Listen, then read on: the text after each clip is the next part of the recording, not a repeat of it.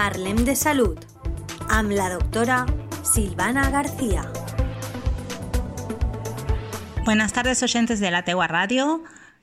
Este jueves, como todos los jueves, estaremos juntos para hablar de un nuevo tema. Cambiaré un poquitito la onda del programa porque con tanto, con tanto coronavirus y tantas alarmas estamos todos muy preocupados. Entonces vamos a hablar de las quemaduras térmicas. ¿Qué son las quemaduras térmicas? Son aquellas que se producen por contacto con llamas, fuegos u otras fuentes de calor. Son características en los niños de edad preescolar generalmente, 3-6 años, pero pueden darse también en niños mayores. Los mecheros, cerillas, son objetos que llaman mucho la atención de los niños. En adolescentes, sobre todo en varones, son frecuentes las quemaduras por elementos pirotécnicos o petardos. ¿Cómo actuar?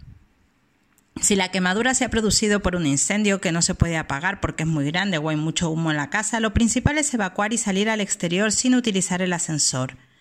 En los incendios muchas personas mueren por inhalación de gases y humos.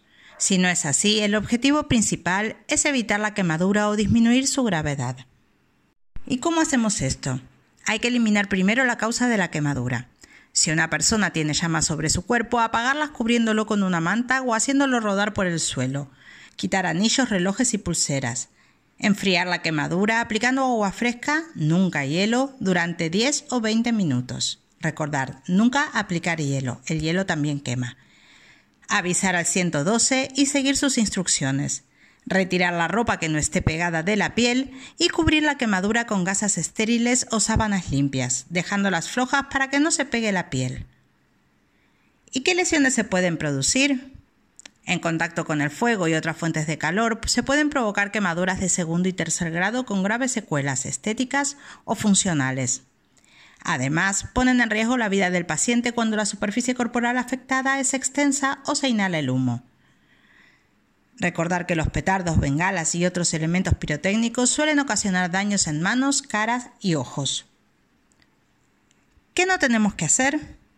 No hay que aplicar hielo, mantequilla, dentífrico ni otros remedios caseros sobre la quemadura. No hay que romper las ampollas ni retirar la piel muerta. No despegar la ropa de la piel. No encender el interruptor de la luz si huele a gas. ¿Cómo podemos prevenirlo? Es útil instalar un detector de humos y se ha demostrado que en las casas que tienen detector de humo se produce la mitad de lesiones y fallecimientos por fuego que en las que no lo tienen. Mantener a los niños alejados de cerillas, mecheros, líquidos inflamables, no utilizarlos en su presencia.